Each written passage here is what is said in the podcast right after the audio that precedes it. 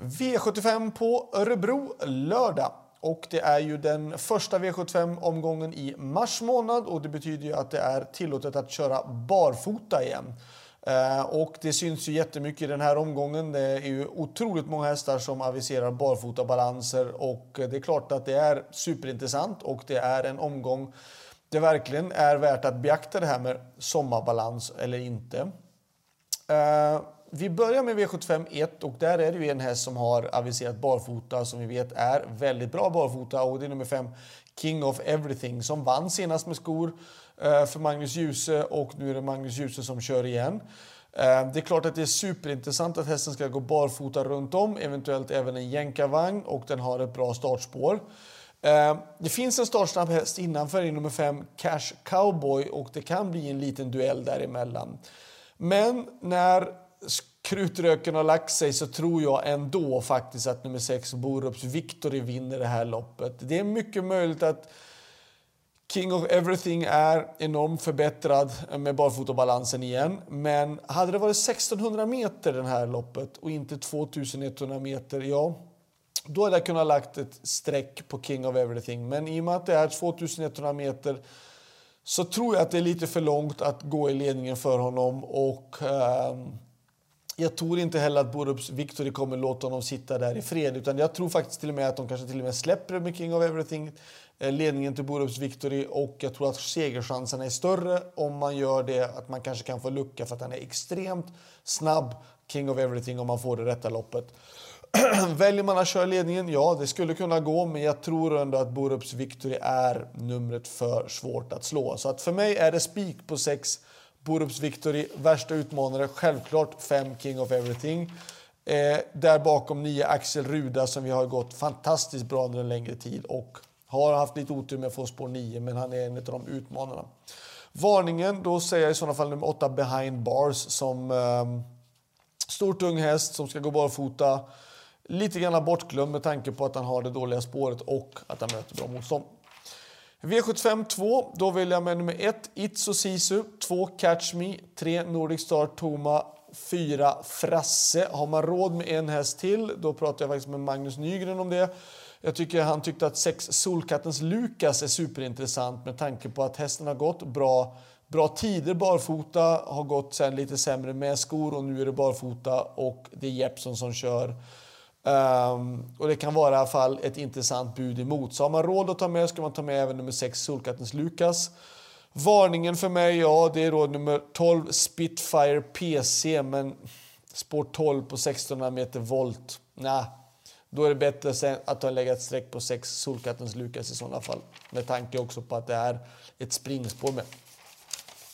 Eh, V75 3. Eh, ett Spickelberg Face, fem Chapuis. Det är de två jag tror det står emellan. Det är mycket möjligt att Chapuis blåser till ledningen den här gången. Eh, men å andra sidan är 2100 meter istället för 1600 meter och därför väljer jag att ta med mig ett Spickleback Face som då ska gå barfota bak, eller barfota runt om. Eh, så då kan jag tycka att det är värt att ta med. Jag tycker man ska dubbla. Eh, varningen för mig det är i sådana fall nummer sju, Pinto Bob faktiskt. Eh, om det nu skulle bli rejäl körning, Pinto Bob barfota runt om. Ja, det, det tycker jag fallet är en pass upp på den i sådana fall. Men utgångshästarna är 1 och 5. V75 4. Uh, här vill jag med flera hästar. Jag vill ha med nummer 1, Castor the Star. 2, So Far Away Ås. 3, Indigo. 4, Ara. 6 comes with age och 9 feel the benefit. Varningen det är i sådana fall nummer 5, Fighter Simone. Det är väl den hästen nästa häst att ta med på i sådana fall. Så att 1, 2, 3, 4, 6 och 9 är utgångshästarna.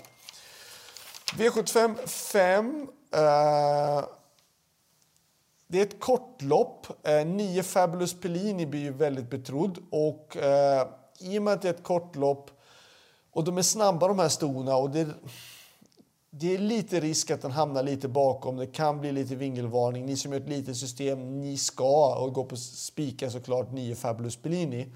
Eh, men jag vill ha med 6 7 Heaven och 7 Carry Cash faktiskt. Carry Cash har haft jättebra form en längre tid.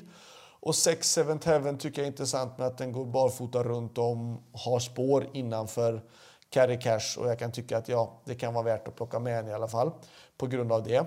Eh, så 6, 7, 9 har jag valt och solklart första häst är ju såklart 9. Eh, varningarna, ja, två hästar som eh, är normalt sett lite kortare rocken mot de här två hästarna, eller de här mer betrodda hästarna, men som har dragit perfekt utgångslägen. Det är ett Ninja Zon och två Hatusa. Två hästar som är gynnade av kort distans och eh, har perfekta utgångslägen och skulle kunna vara intressant emot i sådana fall. 1 och 2 är varningarna bakom eh, 9, 7, 6 som är rankarloppet. V75 6. Eh, det här loppet har jag valt att spika mig ur. Jag har valt att spika nummer 6 Bahia. Eh, Gustav Johansson kör hästen. Jag tycker att det är superintressant. Ni vet att jag gillar när hästar går första gången barfota bak. Eh, den har springspår. Jag tycker loppet inte är jättehårt. De som hästarna som är värst betrodda emot honom är ju då 8 Cassandra Färm bland annat. Eh, och den har ju dragit ett bakspår, samma tränare, men har dragit ett bakspår. Jag tror inte så mycket på hästarna på 20 meters tillägg. Jag menar med 15 Myse Derpion. Eh, hon väljer vi att spara fötterna på. Hon har dragit eh, ett femte spår på 20 meters tillägg på Örebro. Vi vet att det är svårt att ta någonting bakifrån på Örebro. Så jag ligger lågt på hennes eh, chanser tack vare det. Eh, Ska jag säga en varning då emot då, då kan jag tycka att i sådana fall den här 2S Matma eh, Fredrik Wallins träning, ehm, ska gå barfota runt om. Har inte gjort så på länge nu och jag kan tycka att det här loppet är supersvårt. Ska man gardera och hitta några många... Jag tror att så här, endast spikar man sex eller så tar man med kanske åtta 8, 2, 7 eller så ska man ta ganska så många streck ändå. Så att, eh, ja, men för mig så vart det sex Bahia. Jag tycker Gustav Johansson är jätteduktig att köra. Nu får han bevisa lite grann från springspåret den här gången, men han är duktig och det är bara 10 hästar på start. Det gör att det blir bra plats och gott och tid om vändom. Örebro inga problem, gott om plats. Um, nej, jag tror att sex Bahia spetsar uh, eller får överta ledningen och sen så är det en bra spik faktiskt. Uh, V75 7.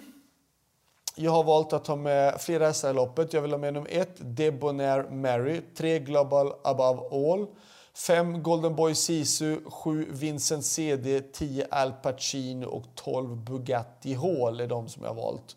Um, nästa häst, eller varningen, ja det är i sådana fall nummer 2.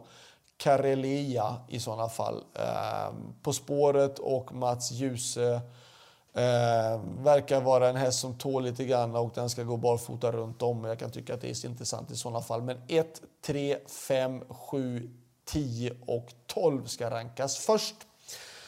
Slutsummering, bästa spiken, ja. Eh, jag tror att bästa spiken är i den första hållningen nummer 6, Borups Victory. Tyvärr ingen riktigt bra chans från stallet. Vi har bara en häst med och den har ett tufft utgångsläge. Så vi ligger lite grann lågt. Men det var allt. Nästa vecka då är det meningen att vi ska vara med på Halmstad istället. Som alla hästarna tränar bra imorgon så kommer jag anmäla till Halmstad. Då är vi tillbaka igen. Ha det bra, lycka till så hörs vi. Hej då!